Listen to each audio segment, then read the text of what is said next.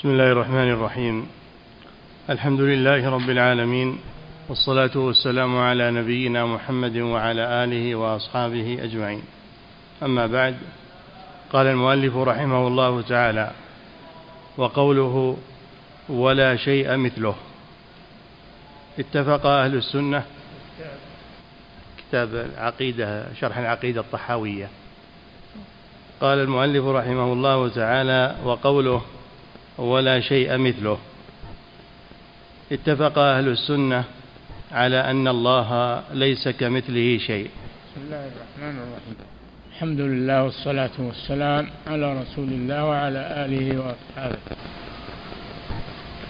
قوله ولا شيء مثله أي لا شيء مثل الله جل وعلا لا شبيه له سبحانه وتعالى قال الله جل وعلا فلا تضربوا لله الأمثال إن الله يعلم وأنتم لا تعلمون وليس كمثله ليس كمثله وهو السميع البصير ونفى عن نفسه الكلية وأثبت له السمع والبصر دل على أن إثبات الصفات لا يقتضي التشريك لأنها صفات تليق به سبحانه وتعالى فالمخلوق له صفات السمع والبصر وصفات ذاتية وعلم وعلم الله له صفات وما ليس له صفات والمعنى واحد فيها ولكن الكيفية تختلف. فكيفية أسماء الله وصفاته تختلف عن كيفية أسماء المخلوقين وصفاتهم وإن اشتركت في الاسم والمعنى فهي تختلف في الحقيقة. فالله جل وعلا لا يشبهه أحد ليس كمثله. ليس كمثله شيء. شيء أي شيء من مخلوقاته سبحانه وتعالى. وهو السميع البصير. دل على أن إثبات الأسماء والصفات لا يقتضي التشبيه كما يقوله المعتزلة وأضرابهم لا يقتضي التشبيه. الله له أسماء وصفات تخصه وتليق به والمخلوق له أسماء وصفات تليق بهم تختص بهم. فلا شبهة في ذلك. نفى عن نفسه المثلية وأثبت لنفسه السمع والبصر. نعم. اتفق أهل السنة على أن الله ليس كمثله شيء لا في ذاته ولا في صفاته ولا في أفعاله. نعم الله ليس كمثله شيء مطلقا لا في ذاته سبحانه وتعالى ولا في أسمائه وصفاته فهو جل وعلا لا يشبهه أحد كائنا من كان. هذا رد على الذين يقولون إن إثبات الأسماء والصفات لله يقتضي التشبيه. نقول لا ما يقتضي التشبيه. حتى في الحيوانات وإن اشتركت في بعض المعاني فهي لا تشتبه من جهة الحقيقة حتى في المخلوقات. فليست الذرة مثل الفيل. وإن اشتركت أن لها سمعا وأن لها بصرا وأن لها إدراكا لا تشابه بين المخلوقين حتى. فكيف بالخالق مع المخلوقين؟ نعم. ولكن لفظ التشبيه قد صار في كلام الناس لفظا مجملا. يراد به المعنى الصحيح وهو ما نفاه القرآن ودل عليه العقل من أن خصائص الرب تبارك وتعالى لا يوصف بها شيء من المخلوقات. لفظ التشبيه اختلف فيه أهل السنة والجماعة مع الفرق الضالة. الفرق الضالة يقولون إثبات الأسماء والصفات يقتضي التشبيه لأن هذه الأسماء والصفات في المخلوقات أيضا فنقول لا. وإن كانت في المخلوقات فهي تليق بالمخلوقات. وأما أسماء الله وصفاته فهي تليق به سبحانه وتعالى. لا تشابه في ذلك كما يقولون. ولهذا في آية واحدة نفى عن نفسه المثلية وأثبت لنفسه السمع والبصر. ليس كمثله شيء وهو السميع البصير. هذه الآية فيها رد بليغ عليهم. أن إثبات الأسماء والصفات لا يقتضي المثلية بينه وبين خلقه ولا التشابه بينه وبين خلقه. الآية واضحة جدا وهي نور من الله سبحانه وتعالى. نعم. وهو ما نفاه القرآن ودل عليه العقل من أن خصائص الرب تبارك وتعالى لا يوصف بها شيء من المخلوقات ولا يماثله شيء من المخلوقات في شيء من صفاته. ليس كمثله شيء. ليس كمثله شيء. أي شيء. لا يشبه الله سبحانه وتعالى. نعم. ليس كمثله شيء. رد على الممثلة المشبهة. نعم مثل داود الجواربي وغيره الذين يشبهون الله بخلقه. يقولون أسماء الله وصفاته تشبه صفات المخلوقين وأسمائهم. ونقول لا هذا كلام باطل لا تشبه. هؤلاء هم الممثلة. والثانيين المعطلة. المعطلة الذين قالوا إن إثبات الأسماء والصفات يقتضي التشبيه فنفوا الأسماء والصفات عن الله فرارا بزعمهم من التشبيه. نقول لا لا تشابه بين صفات الخالق وصفات المخلوقين. وإن اشتركت في الاسم سمع في الله وسمع في المخلوق بصر في الله وبصر في المخلوق اشتركت في الاسم واشتركت في المعنى أيضا. ولكن الحقيقة والكيفية الحقيقة والكيفية مختلفة تماما. نعم. ليس كمثله شيء رد على الممثلة المشبهة وهو السميع البصير رد على النفاة المعطلة. هذه الآية ردت على الطائفتين الضالتين الممثلة المشبهة والمعطلة. نعم. فمن جعل صفات الخالق مثل صفات المخلوق فهو المشبه المبطل المذموم. نعم. ومن جعل صفات المخلوق مثل صفات الخالق فهو نظير النصارى في كفرهم. نعم لأن النصارى شبهوا الله بخلقه ونسبوا له الولد. قالت النصارى المسيح ابن الله والولد يشبه الوالد. فشبهوا الله بخلقه بقولهم المسيح ابن الله. هذا يقتضي التشبيه لأن الولد يشبه الوالد والله لا شبيه له ولا ولد له وإنما المسيح عبد الله ورسوله. إن هو إلا عبد أنعمنا عليه وجعلناه مثلا لبني إسرائيل. يعني المسيح عليه السلام. نعم. ويراد به أنه لا يثبت لله شيء من الصفات فلا يقال له قدرة ولا علم ولا حياة. وهذا التشبيه الذي نفوه باطل لأنه لا تشابه بين صفات الخالق وصفات المخلوق. هذا رد على المعطلة. الذين يقولون لو أثبتنا الأسماء والصفات لله شبهناه بالمخلوق. قل هذا كلام باطل. لا تشابه بين الله في ذاته مع خلقه ولا تشابه بين الله في أسمائه وصفاته مع خلقه أيضا. نعم.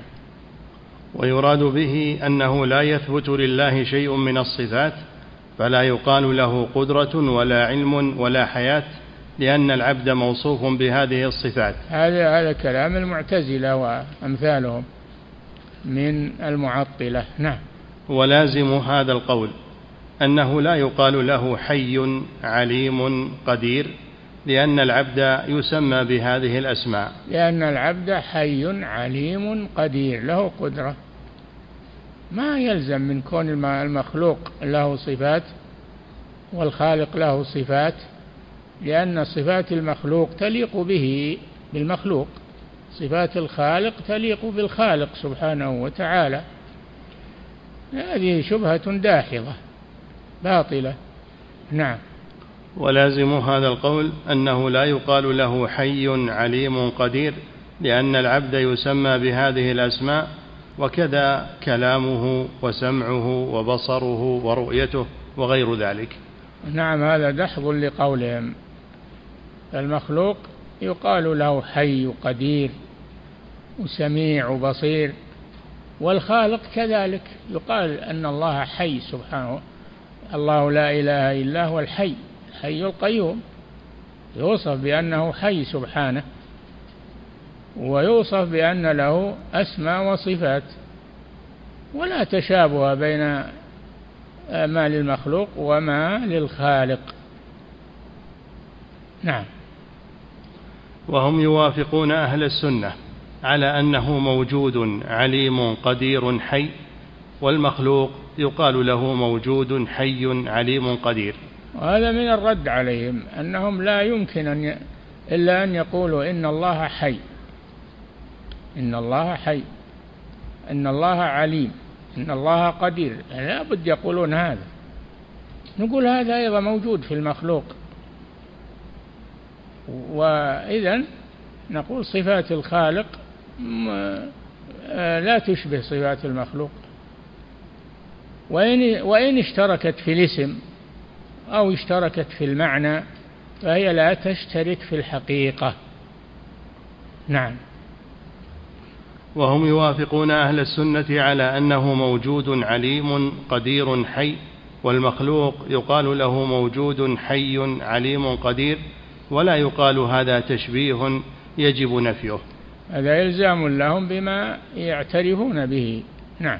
وهذا مما دل عليه الكتاب والسنة وصريح العقل.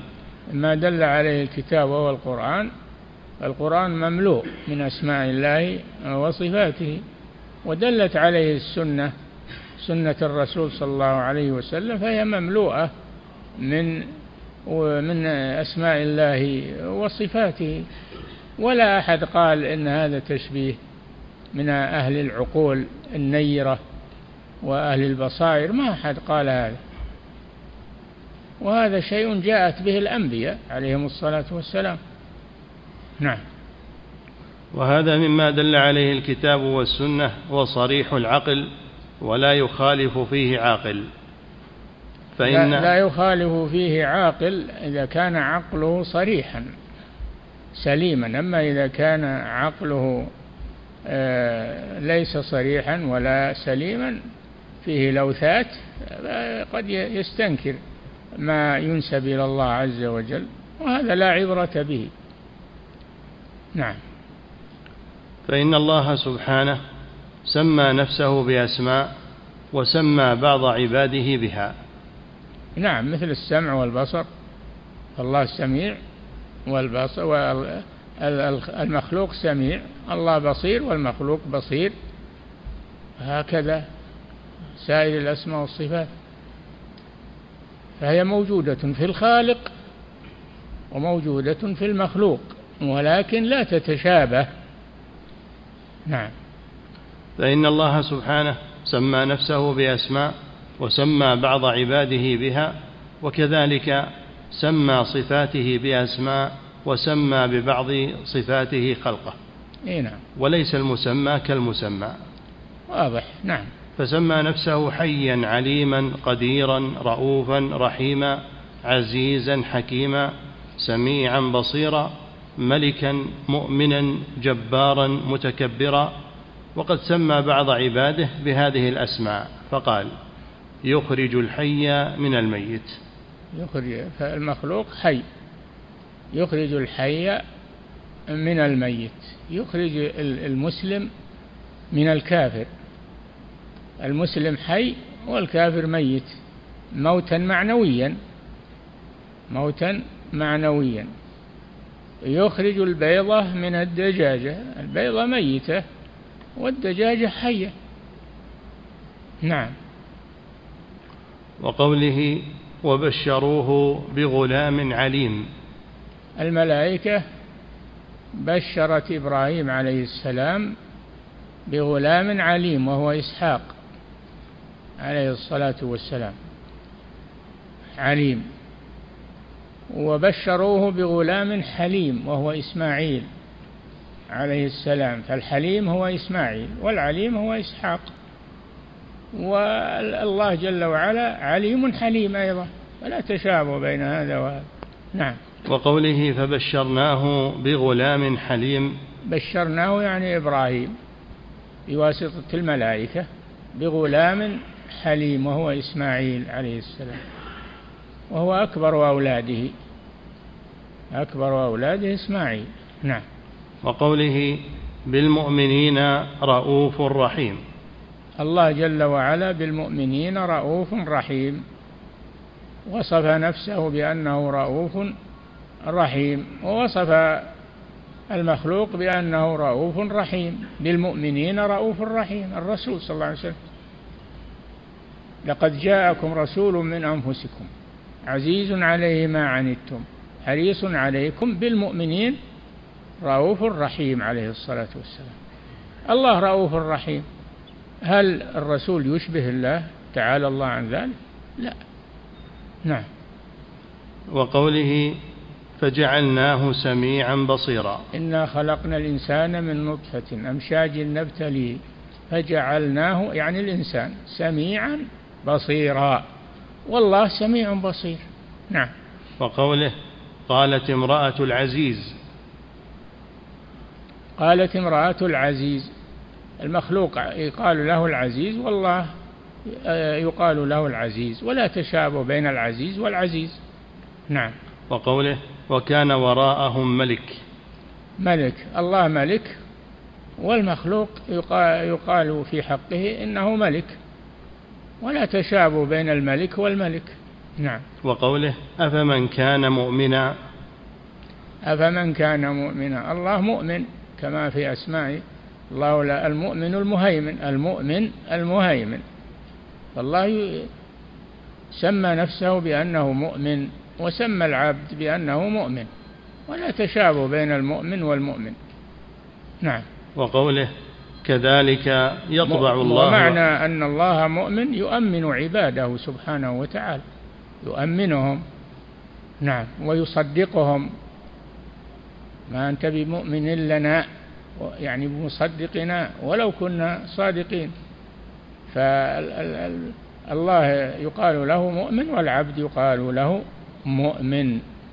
نعم. ولا تشابه بين هذا وهذا. نعم. وقوله كذلك يطبع الله على كل قلب متكبر جبار. متكبر. الله يوصف بأنه متكبر. ويوصف بأنه جبار سبحانه جبار السماوات والأرض. جبروت يليق به. ما هو مثل جبروت المخلوق الضعيف. ولا تشابه بين هذا وهذا. نعم. ومعلوم أنه لا يماثل الحي الحي ولا العليم العليم ولا العزيز العزيز. نعم. وكذلك نعم. سائر الأسماء. ولا الجبار الجبار ولا إلى آخره. سائر الأسماء والصفات على هذا. نعم. وقال تعالى ولا يحيطون بشيء من علمه. وصف نفسه بالعلم. ولا يحيطون أي المخلوق لا يحيط بعلم الخالق.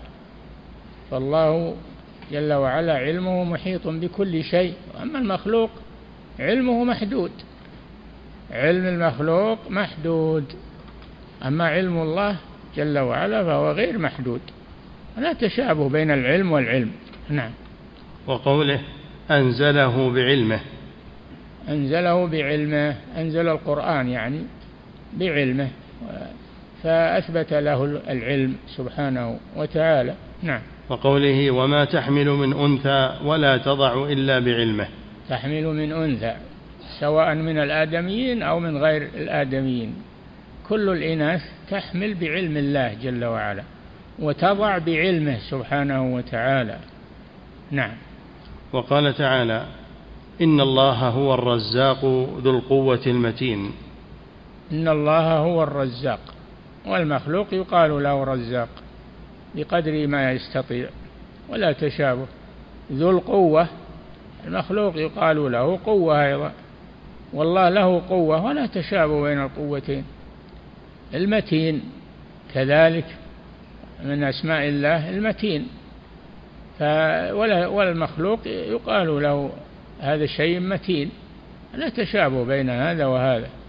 يعني وإن اشتركت في اللفظ فهي لا تشترك في الحقيقة. نعم. وقوله أولم يروا أن الله الذي خلقهم هو أشد منهم قوة؟ الذي خلقهم إثبات الخلق لله عز وجل. يعني أوجدهم من العدم هو أشد منهم قوة.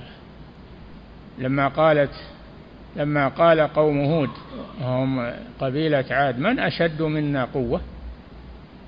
لما خوفهم نبي الله هود عليه السلام من عذاب الله وأخذه قالوا من أشد منا قوة؟ لأن لهم أجسام كبار غلاظ وأقوياء وظنوا أنهم ما أحد أقوى منهم. الذي خلقهم أشد منهم قوة. قوتهم ما هي منهم هم من الله جل وعلا. ولذلك سلط الله عليهم أبسط شيء وهي الريح. الريح يتشاف. الريح بسيطة. ومع هذا على قوتهم تنزع الناس كأنهم أعجاز نخل منقع. تشيل الآدمي من من قوم عاد إلى الجو ثم تنكسه على رأسه. تدق عنقه كأعجاز نخل. شوف نخل. طوال يعني. ما هم أجسامهم غريبة. ومع هذا ما ما, ما ثبتوا أمام الريح. أمام الريح التي سلطها الله عليهم. ترفعهم إلى عنان السماء ثم تنكسهم على رؤوسهم. كأعجاز نخل خاوية. فهل ترى لهم من باقية؟ نعم. وعن جابر رضي الله عنه قال كان رسول الله صلى الله عليه وسلم يعلمنا الاستخارة في الأمور كلها كما يعلمنا السورة من القرآن. يقول الاستخارة هي طلب الخير من خير الأمرين. إنسان متردد يسافر أو ما يسافر يتزوج أو ما يتزوج يشري كذا أو ما يشري. تردد بين أمرين. وش يعمل؟ يصلي صلاة الاستخارة. ويطلب من الله أن يختار له ما فيه المصلحة. يطلب من الله ذلك. يصلي ركعتين ثم يقول اللهم إني أستخيرك بعلمك وأستقدرك بقدرتك فإنك تعلم ولا أعلم وتقدر ولا أقدر. اللهم إن كان هذا الأمر ويسميه يسمي الأمر. خيرا لي في ديني ودنياي وعاجل أمري وآجله فيسره لي وبارك لي فيه وإن كان فيه آه، ضرر أو ما أشبه ذلك فاصرفه عني واصرفني عنه واقدر لي الخير حيثما كان. نعم. وعن جابر رضي الله عنه قال كان رسول الله صلى الله عليه وسلم يعلمنا الاستخارة في الأمور كلها. كما يعلمنا السورة من القرآن. يقول إذا هم أحدكم بالأمر فليركع ركعتين من غير الفريضة. ثم ليقل اللهم إني أستخيرك بعلمك وأستقدرك بقدرتك وأسألك من فضلك العظيم فإنك تقدر ولا أقدر وتعلم ولا أعلم وأنت علام الغيوب. اللهم إن كنت تعلم أن هذا الأمر خير لي في ديني ومعاشي وعاقبة أمري. أو قال عاجل أمري وآجله فاقدره لي ويسره لي ثم بارك لي فيه. وإن كنت تعلم أن هذا الأمر شر لي في ديني ومعاشي وعاقبة أمري أو قال عاجل أمري وآجله فاصرفه عني واصرفني عنه واقدر لي الخير حيث كان ثم رضني به. قال ويسمي حاجته. رواه البخاري. احفظوا هذا الحديث. هذا حديث الاستخارة. احفظوها لأجل إذا ترددتم في أمر أن تصلوا ركعتين ثم تدعو بهذا الدعاء. هذا ما علمه الرسول صلى الله عليه وسلم لأمته. نعم. وفي حديث عمار بن ياسر رضي الله عنهما الذي رواه النسائي وغيره عن النبي صلى الله عليه وسلم أنه كان يدعو بهذا الدعاء اللهم بعلمك الغيب وقدرتك على الخلق. أحيني ما كانت الحياة خيرا لي وتوفني إذا كانت الوفاة خيرا لي. اللهم إني أسألك خشيتك في الغيب والشهادة وأسألك كلمة الحق في الغضب والرضا وأسألك القصد في الغنى والفقر وأسألك نعيما لا ينفد القصد يعني عدم الاسراف عدم الإسراف والتبذير للمال. نعم. وأسألك نعيما لا ينفد وقرة عين لا تنقطع. وأسألك الرضا بعد القضاء. وأسألك برد العيش بعد الموت. وأسألك لذة النظر إلى وجهك الكريم والشوق إلى لقائك. في غير ضراء مضرة ولا فتنة مضلة. اللهم زينا بزينة الإيمان واجعلنا هداه مهتدين. دعاء عظيم جامع لخيري الدنيا والآخرة. تتعلمه وتدعو ربك به. نعم. فقد سمى الله ورسوله صفات الله علما وقدرة وقوة. إي نعم أن الله له علم وله قدرة وله قوة والمخلوق كذلك له علم وله قدرة وله قوة ولكن لا تشبه صفات المخلوق صفات الخالق سبحانه وتعالى. وإن اشتركت في الاسم والمعنى فهي تفترق في الحقيقة والكيفية. نعم. فقد سمى الله ورسوله صفات الله علما وقدرة وقوة وقال تعالى ثم جعل من بعد ضعف قوة. أي نعم خلقكم من ضعف ثم جعل من بعد ضعف قوة ثم جعل من بعد قوة ضعفا وشيبة. يخلق ما يشاء وهو العليم القدير سبحانه وتعالى. فالله وصف المخلوق بأن له قوة والله هو القوي هو القوي سبحانه وتعالى. نعم. وقال تعالى وإنه لذو علم لما علمناه. وإنه لذو علم لما علمناه فوصف المخلوق بأنه ذو علم.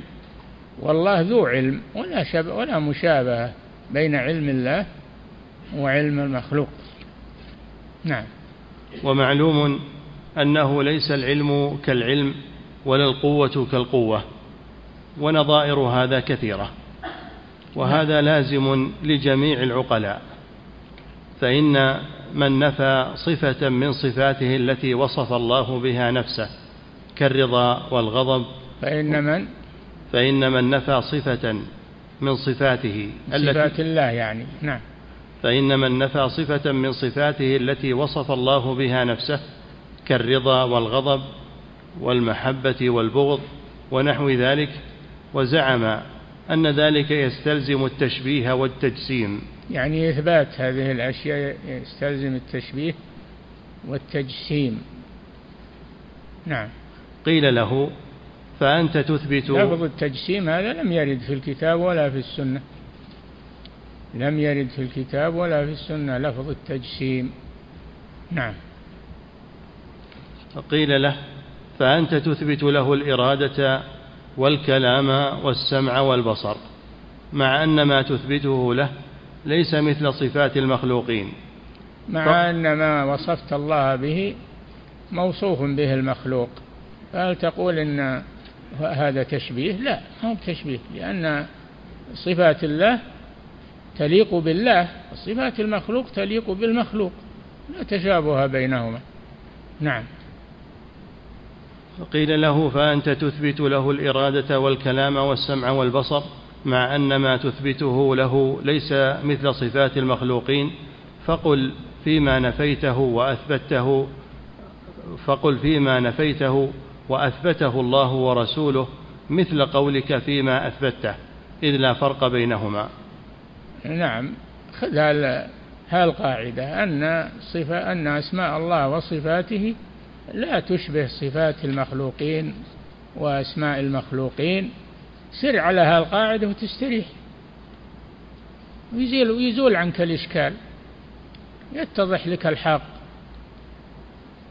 هذه عقيدة السلف الصالح. عقيدة واضحة سليمة. نعم. هذه عقيدة أهل السنة والجماعة. نعم. فإن قال أهل السنة والجماعة ما حصل عندهم إشكال.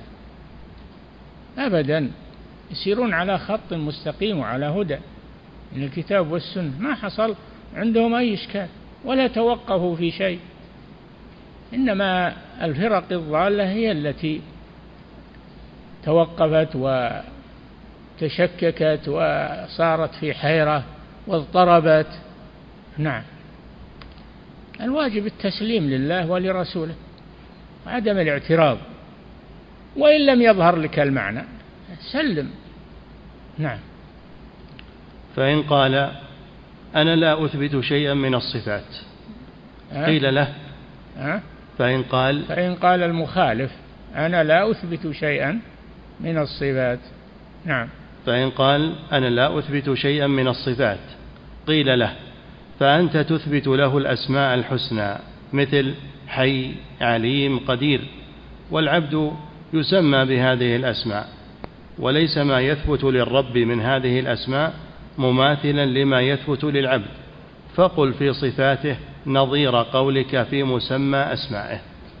نعم التزم بهذا الخط الواضح وتسلم من هذه الشبهات وهذه الترهات والأباطيل والحيرة والاضطراب. نعم. فإن قال وأنا لا أثبت له الأسماء الحسنى بل أقول هي مجاز وهي أسماء لبعض مبتدعاته كقول غلاة الباطنية والمتفلسفة.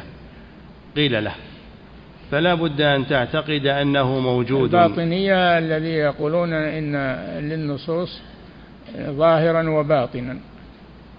إن لها ظاهرا هذا ما نبيه ولها باطن هذا هو الذي نثبته. هذول يسمون الباطنية. نعم. كقول غلاة الباطنية والمتفلسفة قيل له المتفلسفة الفلسفة في الأصل هي الحكمة. فيلسوف يعني حكيم. هذا أصل الفلسفة. نعم. قيل له فلا بد أن تعتقد أنه موجود حق قائم بنفسه والجسم موجود قائم بنفسه. وليس هو مماثلا له.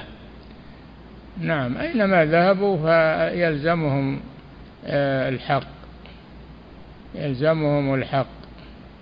وإن تخلوا عنه فهو لازم لهم ولا محيد لهم عنه. نعم. فإن قال أنا لا أثبت شيئا بل أنكر وجود الواجب. ينكر وجود الله عز وجل. هذا خلصنا منه. هذا ملحد. نعم.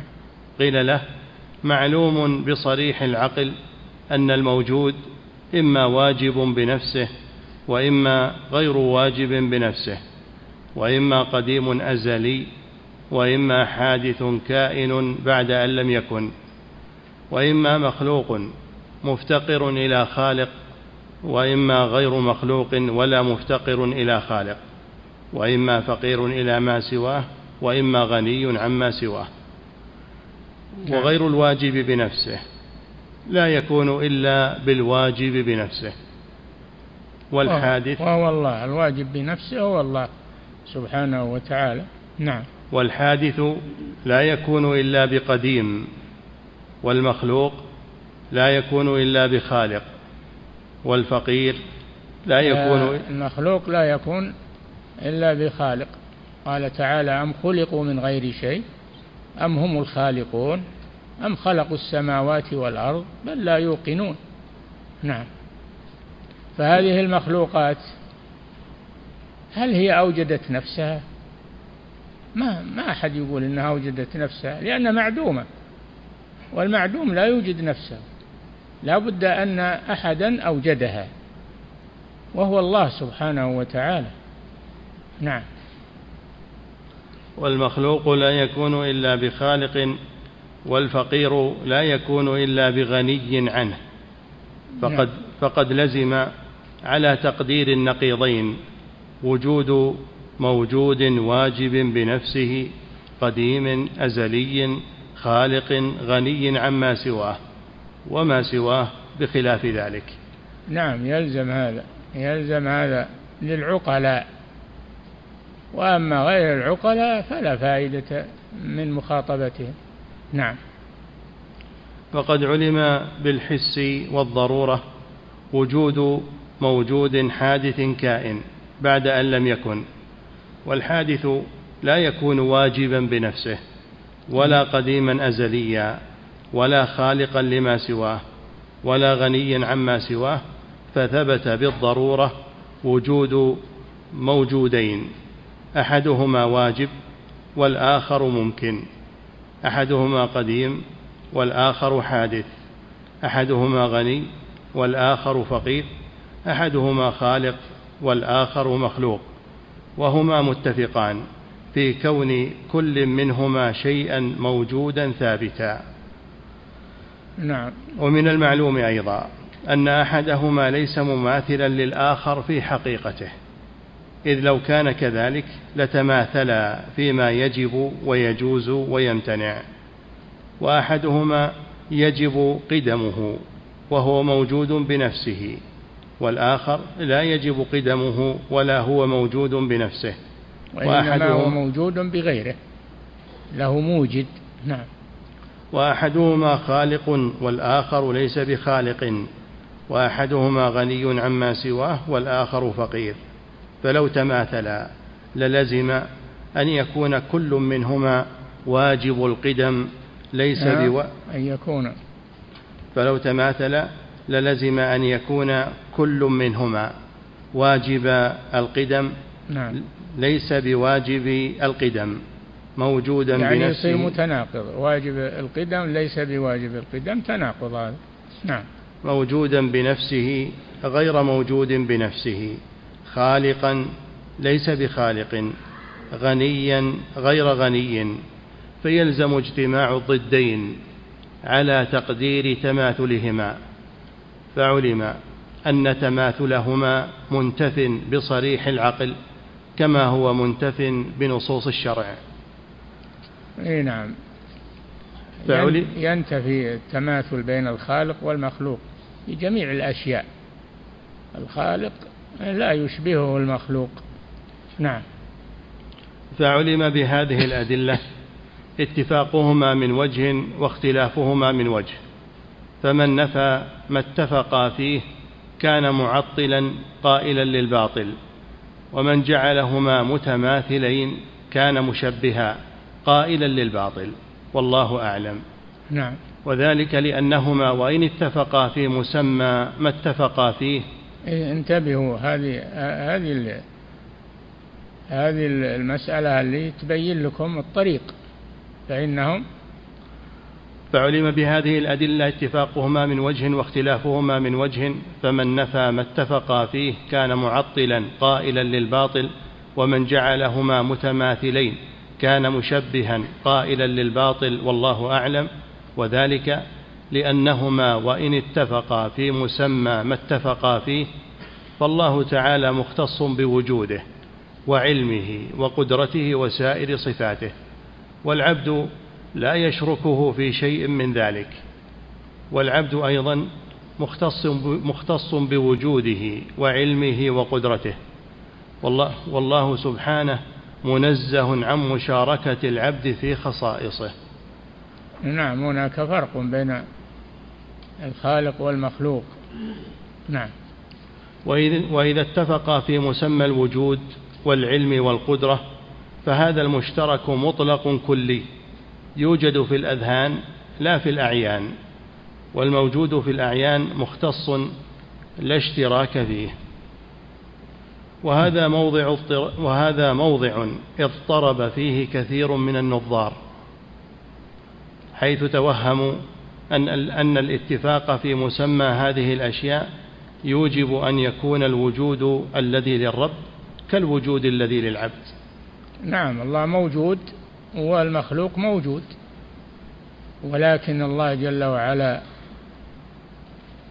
آه الله جل وعلا لا يشبه وجوده لا يشبه وجود المخلوق لأن وجود المخلوق حادث ووجود الخالق أزلي. سبحانه وتعالى. فلا تشابه بين الموجود والموجود. نعم. وهذا موضع اضطرب فيه كثير من النظار حيث توهموا أن الاتفاق في مسمى هذه الأشياء يوجب أن يكون الوجود الذي للرب كالوجود الذي للعبد. وطائفة ظنت أن لفظ الوجود يقال بالاشتراك اللفظي وكابروا عقولهم. فإن هذه الأسماء عامة قابلة للتقسيم كما يقال الموجود ينقسم إلى واجب وممكن وقديم وحادث ومورد ومورد التقسيم مشترك بين الأقسام واللفظ المشترك كلفظ المشتري الواقع على المبتاع والكوكب لا ينقسم معناه ولكن يقال كوكب المشتري من من المشتري من من من السبعة من السبعة الموجودة في الكون. المشتري وزحل و وغير والشمس والقمر السبعة السيارة. النجوم السبعة السيارة يقال له. نعم. واللفظ المشترك كلفظ المشتري الواقع على المبتاع والكوكب. لفظ المشتري يطلق على الكوكب. مشتري يقال له المشتري. والمبتاع اللي يشري السلعة ولا تشابه بينهما بين المشتري والمشتري. نعم. الاشتراك في الاسم لا يقتضي الاشتراك في الحقيقة. نعم. ولكن يقال لفظ المشتري يقال على كذا وعلى كذا. نعم وأمثال هذه المقالات يقال على المشتري يقال على المشتري مشتري السلعة ويقال على الكوكب أحد الكواكب السبعة السيارة المشتري. زحل شرى مريخه من شمسه فتزاهرت بعطارد الأقمار. هذه هذه الكواكب السبعة في هذا البيت. نعم. ولكن يقال لفظ المشتري يقال على كذا وعلى كذا وأمثال هذه المقالات التي قد بسط الكلام عليها في موضعه. هذا و... هذا ناقله الشارح من كلام شيخ الإسلام ابن تيمية. ناقله هو الشارح من تلاميذ ابن كثير. الشارح ابن أبي العز من تلاميذ ابن كثير. وابن كثير من تلاميذ شيخ الإسلام ابن تيمية. نعم. وأصل الخطأ والغلط توهمهم أن هذه الأشياء العامة الكلية يكون مسماها المطلق الكلي هو بعينه ثابتا في هذا المعين وهذا المعين وليس كذلك. فإن ما يوجد في الخارج لا يوجد مطلقا كليا.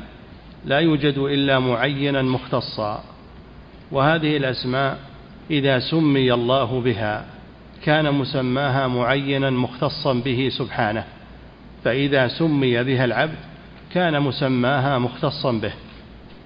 فوجود الله وحياته لا يشاركه فيها غيره بل وجود هذا الموجود المعين لا يشركه فيه غيره فكيف بوجود الخالق؟ نعم. ترى أنك تقول هذا هو ذاك فالمشار إليه واحد لكن بوجهين مختلفين نعم وبهذا ومثله يتبين لك أن المشبهة أخذوا هذا المعنى وزادوا فيه على الحق فضلوا وأن المعطلة المشبهة الذين يشبهون الله بخلقه والمعطلة الذين ينفون عن الله جل وعلا. فهم على طرفي نقيض. هؤلاء غلوا في الإثبات وهم المشبهة وهؤلاء غلوا في التنزيه وهم المعطلة. نعم. وبهذا ومثله يتبين لك أن المشبهة أخذوا هذا المعنى وزادوا فيه على الحق فضلوا وأن المعطلة أخذوا نفي المماثلة بوجه من الوجوه وزادوا فيه على الحق حتى ضلوا. نعم. وأن كتاب الله دل على الحق المحض الذي تعقله العقول السليمة الصحيحة وهو الحق المعتدل الذي لا انحراف فيه. نعم. فالنفاة أحسنوا في تنزيه الخالق سبحانه عن التشبيه بشيء من خلقه ولكن أساءوا في نفي المعاني الثابتة لله تعالى في نفس الأمر. نعم. والمشبهة أحسن كل منهم كل من المشبهة والمعطلة. معه شيء من الحق ومعه شيء من الباطل. يجب الفرق بين هذا وهذا. نعم. والمشبهة أحسنوا في إثبات الصفات ولكن أساءوا بزيادة التشبيه. نعم. واعلم أن المخاطب لا يفهم المعاني المعبر عنها باللفظ إلا أن يعرف عينها. أو ما يناسب عينها ويكون بينهما قدر مشترك ومشابهة في أصل المعنى وإلا فلا يمكن تفهيم المخاطبين بدون هذا قط حتى في أول تعليم معاني. حتى في أول تعليم معاني الكلام بتعليم معاني الألفاظ المفردة مثل تربية الصبي الذي يعلم البيان واللغة ينطق له باللفظ المفرد ويشار له إلى معناه إن كان مشهودا بالإحساس الظاهر أو الباطن فيقال له لبن خبز أم أب سماء أرض شمس قمر ماء ويشار له مع العبارة إلى كل مسمى من هذه المسميات وإلا لم يفهم معنى اللفظ ومراده الناطق به. وليس أحد من بني آدم. يستغني عن التعليم السمعي. كيف؟ وآدم أبو البشر أول ما علمه الله تعالى أصول الأدلة السمعية وهي الأسماء كلها. وكلم. علم آدم الأسماء كلها. قيل له هذا شمس وهذا قمر وهذا نجم وهذا جبل وهذا إلى آخره. الله علم آدم الأسماء كلها. كل شيء قال له هذا كذا وذا كذا وذا كذا.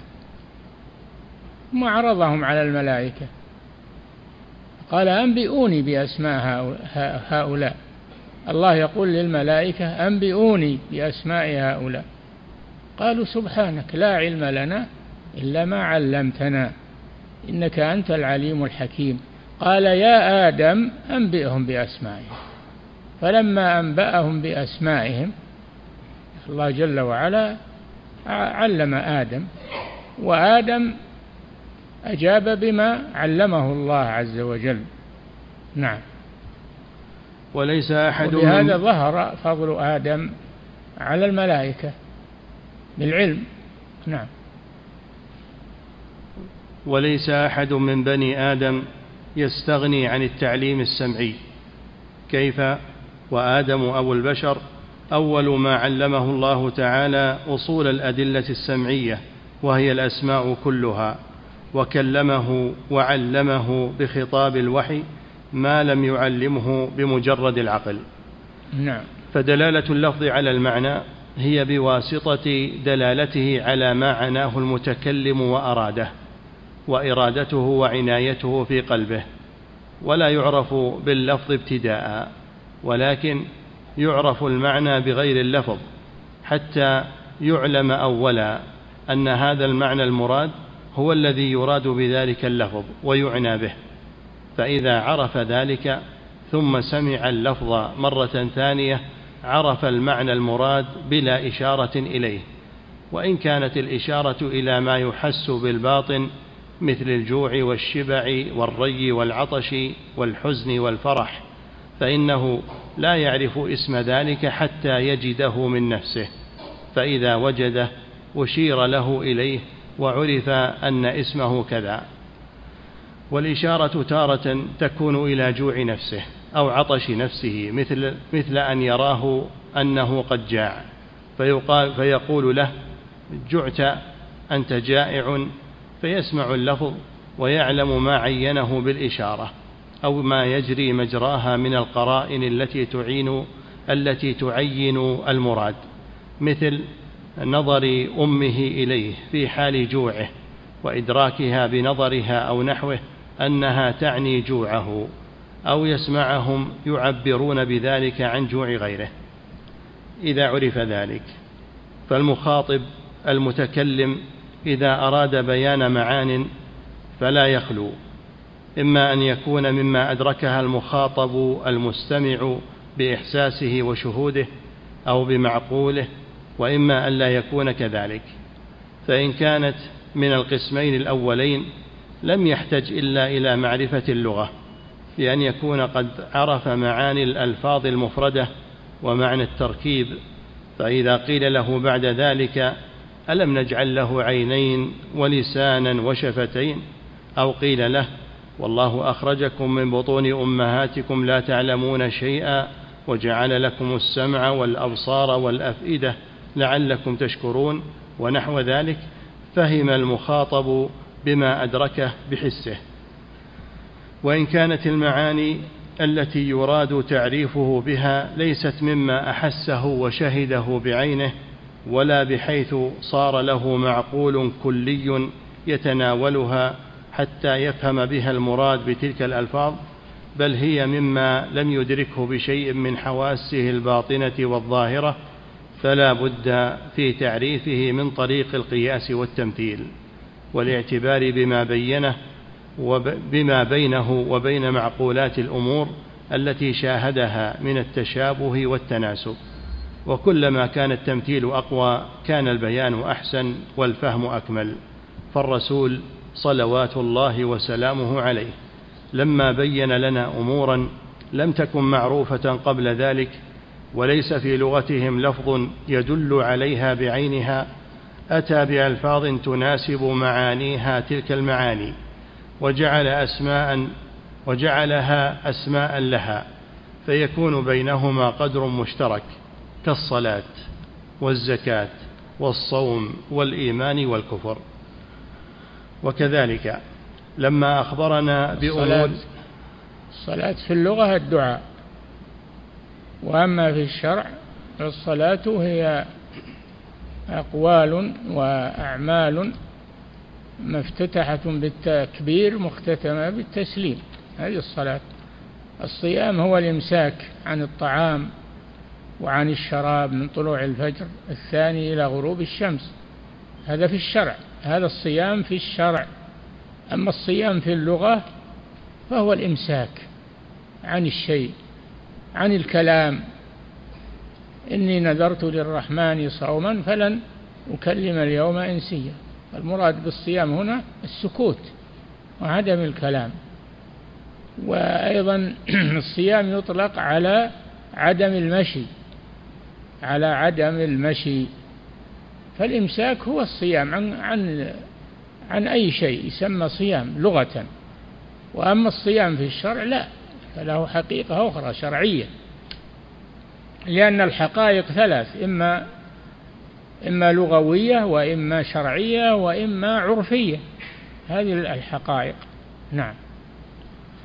وكذلك لما أخبرنا صلى الله عليه وسلم بأمور تتعلق بالإيمان بالله وباليوم الآخر وهم لم يكونوا يعرفونها قبل ذلك حتى يكون لهم ألفاظ تدل عليها بعينها أخذ من اللغة الألفاظ المناسبة لتلك بما تدل عليه من القدر المشترك بين تلك المعاني الغيبية والمعاني الشهودية التي كانوا يعرفونها. وقارن بذلك من الإشارة ونحوها ما ما يعلم به حقيقة المراد كتعليم الصبي. كما قال ربيعة ابن أبي عبد الرحمن الناس في حجور علمائهم كالصبيان في حجور آبائهم. نعم. وأما ما يخبر به الرسول صلى الله عليه وسلم من الأمور الغائبة فقد يكون مما أدركوا نظيره بحسهم وعقلهم كإخبارهم بأن الريح أهلكت عادا فإن عادا من جنسهم والريح من جنس ريحهم وإن كانت أشد. وكذلك غرق فرعون في البحر وكذا بقية الأخبار عن الأمم الماضية ولهذا كان الإخبار بذلك فيه عبرة لنا. كما قال سبحانه لقد كان في قصصهم عبرة لأولي الألباب. نعم. وقد يكون الذي يخبر به الرسول صلى الله عليه وسلم ما لم يدركوا مثله الموافق له في الحقيقة من كل وجه لكن في مفرداته ما يشبه مفرداتهم من بعض الوجوه كما إذا أخبرهم عن الأمور الغيبية المتعلقة بالله واليوم الآخر فلا بد أن يعلموا معنى مشتركا. وشبها بين مفردات تلك الألفاظ وبين مفردات ألفاظ ما علموه في الدنيا بحسهم وعقلهم. فإن كان ذلك المعنى الذي في الدنيا لم يشهدوه بعد ويريد أن يجعلهم يشهدونه شهادة كاملة ليفهموا به القدر المشترك بينه وبين المعنى الغائب أشهدهم إياه وأشار لهم إليه وفعل فعلا يكون حكاية له. وشبها به يعلم المستمعون أن معرفتهم بالحقائق المشهودة هي الطريق التي يعرفون بها الأمور الغائبة. فينبغي أن تعرف هذه الدرجات. أولها إدراك الإنسان المعاني الحسية المشاهدة. وثانيها عقله لمعانيها الكلية. وثالثها تعريف الألفاظ الدالة على تلك المعاني الحسية والعقلية فهذه المراتب الثلاث لا بد منها في كل خطاب فإذا أخبرنا عن الأمور الغائبة فلا بد من تعريفنا المعاني المشتركة بينها وبين الحقائق المشهودة والاشتباه الذي بينها وذلك بتعريفنا الأمور المشهودة. ثم إن كانت مثلها لم يحتج إلى ذكر الفارق كما تقدم في قصص الأمم وإن لم يكن مثلها بين ذلك بذكر الفارق بأن يقال ليس ذلك مثل هذا ونحو ذلك. وإذا تقدر انتفاء المماثلة كانت الإضافة وحدها كافية في بيان الفارق وانتفاء التساوي لا يمنع منه وجود القدر المشترك الذي هو مدلول اللفظ المشترك وبه صرنا نفهم الأمور الغائبة ولولا المعنى المشترك ما أمكن ذلك قط. قوله رحمه الله ولا شيء يعجزه. نعم. قوله ولا شيء يعجزه أي لكمال قدرته. قال لا تعالى شيء يعجزه يعجز الله عز وجل. لا شيء يعجز الله. الله على كل شيء قدير. لا شيء يعجزه سبحانه. نعم. أي لكمال قدرته. قال سبحانه إن الله على كل شيء قدير. نعم. وقال سبحانه على كل شيء قدير على كل شيء قدير. وأما قوله على ما وهو على جمعهم إذا يشاء قدير هذه آية خاصة جمع أهل السماوات وأهل الأرض يوم القيامة. الله قادر على أن يجمع أهل السماوات وأهل الأرض في المحشر يوم القيامة وهو على جمعهم إذا يشاء قدير. نعم. وقال تعالى فلا يقال الله على ما يشاء قدير بل يقال الله على كل شيء قدير. نعم. وقال تعالى وكان الله على كل شيء مقتدرا. على كل شيء قدير على كل شيء مقتدرا. المعنى واحد. نعم. وقال تعالى وما كان الله ليعجزه من شيء في السماوات ولا في الأرض إنه كان عليما قديرا. إنه كان عليما قديرا هذا هو السبب أنه عليم قدير. فلا يعجزه شيء في السماوات ولا في الأرض. عليم قدير سبحانه وتعالى. نعم. وقال تعالى وسع كرسيه السماوات والأرض ولا أحيانا يكون الإنسان عليم لكنه ليس قديرا أو يكون قدير لكنه ليس عليما. أما الله جل وعلا فإنه عليم قدير. نعم. وقال تعالى وسع كرسيه السماوات والأرض ولا يؤوده حفظهما وهو العلي العظيم. قوله نعم. ولا يؤوده أي لا, يكر أي لا يكرثه ولا, ولا يثقله ولا يثقله. ولا يعجزه. نعم وسع ف... كرسيه كرسي. هذا الكرسي وهو موضع القدمين فكيف بالعرش؟ العرش أعظم من الكرسي. نعم. ولا يثقله ولا يعجزه فهذا النفي لثبوت كمال ضده وكذلك كل نفي يأتي في صفات الله تعالى في الكتاب والسنة إنما هو لثبوت كمال ضده نعم. كقوله سبحانه ولا يظلم ربك أحدا لكمال نعم. عدله نعم. لا يعزب عنه مثقال ذرة في السماوات ولا في الأرض لكمال علمه وقوله وما مسنا من لغوب لكمال قدرته. واللغوب اللغوب هو التعب. خلق الله السماوات والأرض ولم يتعب سبحانه وتعالى. ردا على اليهود الذين يقولون إن الله استراح يوم السبت. تعب. إن الله تعب واستراح يوم السبت. تعالى الله عما يقولون. رد الله عليهم بقوله وما مسنا من لغوب. نعم. وقوله وما مسنا من لغوب لكمال قدرته وقوله لا تأخذه سنة ولا نوم لكمال حياته وقيوميته لا تدركه الأبصار لكمال جلاله وعظمته وكبريائه. لا تدركه الأبصار يعني لا تحيط به ليس هذا نفي للرؤية الرؤية ثابتة رؤية المؤمنين لربهم إنما هذا نفي للإحاطة فهي وإن رأته فإنها لا تدركه. فأنت ترى الشمس ولكن لا تحيط بها ما تستطيع تحيط بالشمس. وإن رأيتها نعم. ولهذا وقوله لا تدركه الأبصار لكمال جلاله وعظمته وكبريائه وإلا فالنفي الصرف لا مدح فيه. ألا يرى أن قول الشاعر قبيلة لا يغدرون لا يغدرون بذمة ولا يظلمون الناس حبة خردل؟ نعم هذا كأنه مدحه ذم. هذا الم... هذا الذم بما يشبه المدح. يقولون هذا الذم بما يشبه المدح. قبيلة لا يغدرون بذمة. هذا ظاهر أنه مدح. ولا يظلمون الناس حبة خردل. هذا ظاهر أنه مدح وهو ذم أنهم ما عندهم قدرة على شيء ولا يدافعون عن أنفسهم. نعم. ألا يرى أن قول الشاعر قبيلة لا يغدرون بذمة ولا يظلمون الناس حبة خردل لما اقترن بنفي الغدر والظلم عنهم ما ذكره قبل هذا البيت وبعده وتصغيرهم بقوله قبيلة. علم أن المراد عجزهم وضعفهم لا كمال قدرتهم. قبيلة تصغير. تصغير تحقير لأن التصغير يراد به أحيانا التحقير. نعم. وقول الآخر لكن قومي وإن كانوا ذوي عدد ليسوا من الشر في شيء وإن هانا.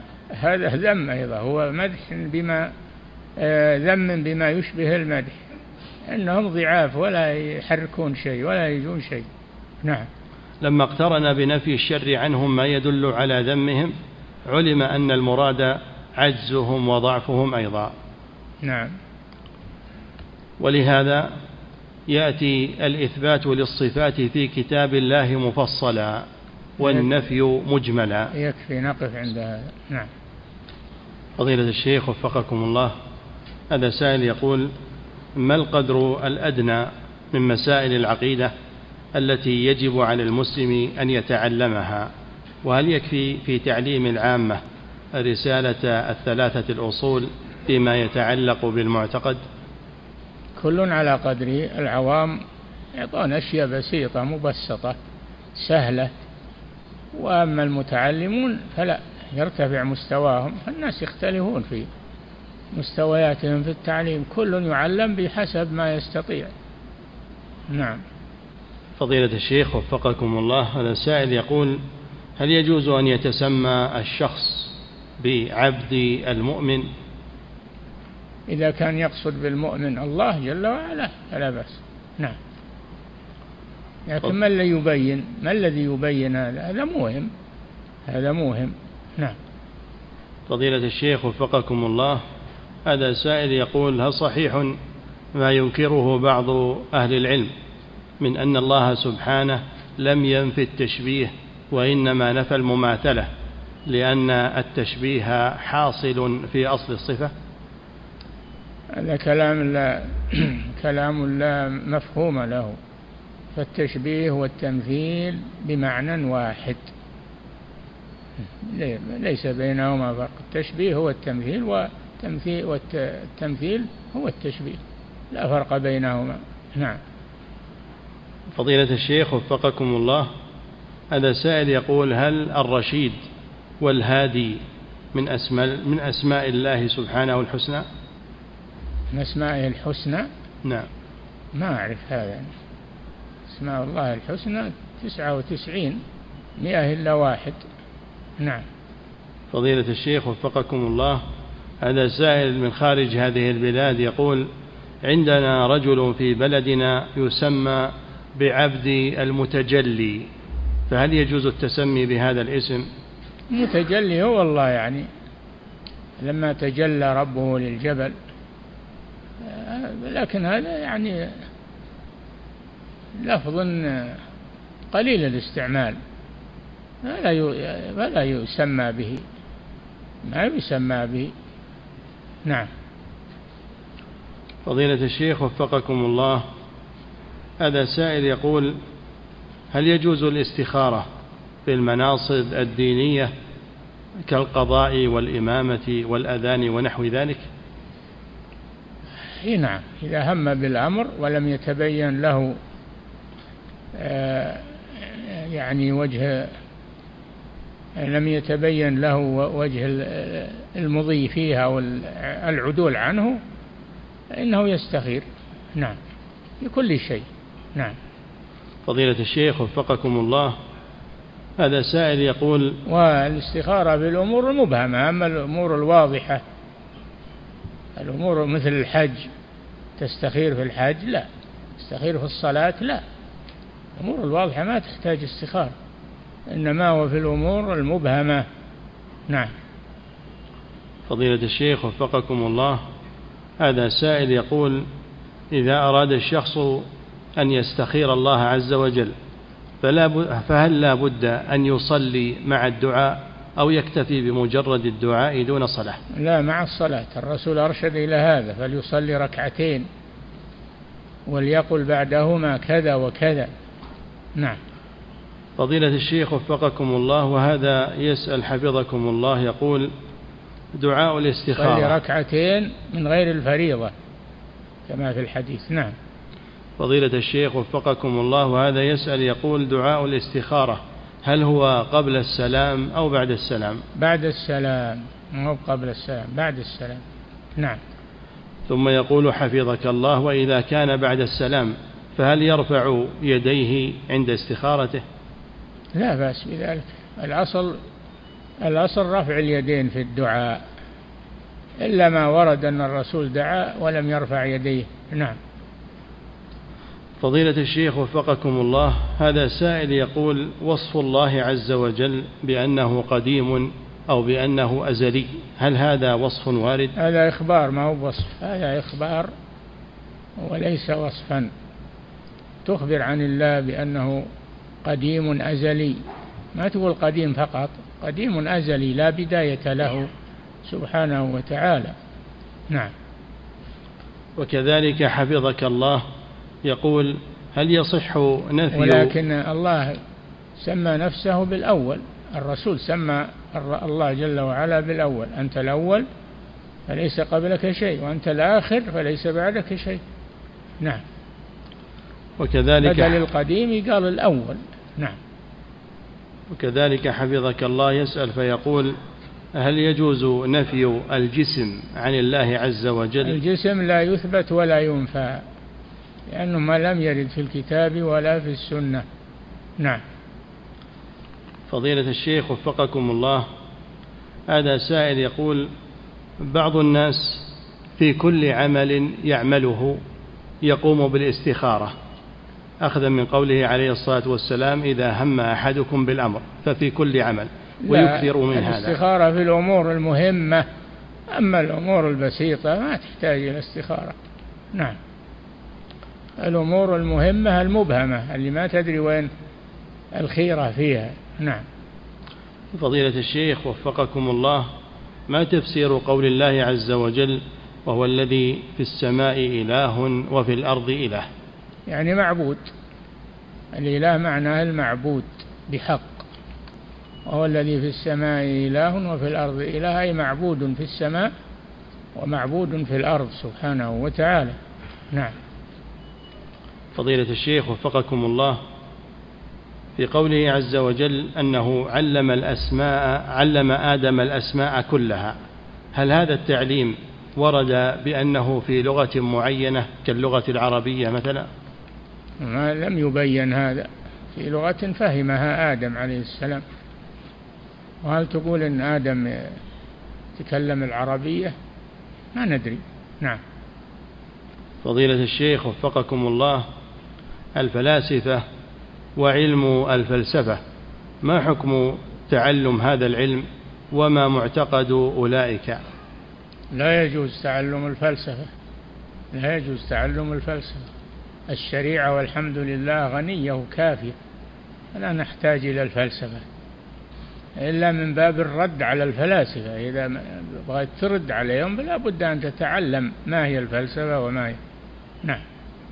فضيلة الشيخ وفقكم الله ما معنى قول رسول الله صلى الله عليه وسلم في دعائه وأسألك لذة النظر إلى وجهك في غير ضراء مضرة ولا فتنة مضلة؟ نعم يعني الله أعلم أنا ما عندي يعني ما عندي معرفة لهذا اللفظ إنما هو وارد وصحيح عن الرسول صلى الله عليه وسلم. نعم. ولا يحضرني معناها الآن. نعم. فضيلة الشيخ وفقكم الله هذا سائل يقول ما حكم استفادة المسلم من الكتب التي تكتب حول تدبر القرآن وتدبر بعض آياته والتي بدأت تخرج في هذا العصر. من أين خرجت؟ خرجت من علماء ولا خرجت من متعالمين ومتخرصين؟ ينظر إلى المؤلف من هو؟ نعم. فضيلة الشيخ وفقكم الله هذا سائل يقول بالنسبة لأذان الجمعة الأول هل يتابع المؤذن في هذا الأذان؟ نعم. أذان شرعي من سنة الخلفاء الراشدين. فيتابع نعم. فضيلة الشيخ وفقكم الله بالنسبة لصيام يوم عاشوراء وصيام يوم بعده يقول هل صحيح أن صيام هذا اليوم وهو يوم الحادي عشر هو أمر منكر؟ لا. هذا في الحديث صوموا يوما قبله أو يوما بعده. وفي رواية صوموا يوما قبله ويوما بعده. ولذلك قال ابن القيم رحمه الله إن صيام عاشوراء على ثلاثة أنواع. أكملها أن يصوم عاشوراء ويوما قبله ويوما بعده. هذا أكمل. الثاني أن يصوم يوما قبله. الثالث وهو الأقل أن يصوم يوم عاشوراء فقط. نعم. فضيلة الشيخ وفقكم الله.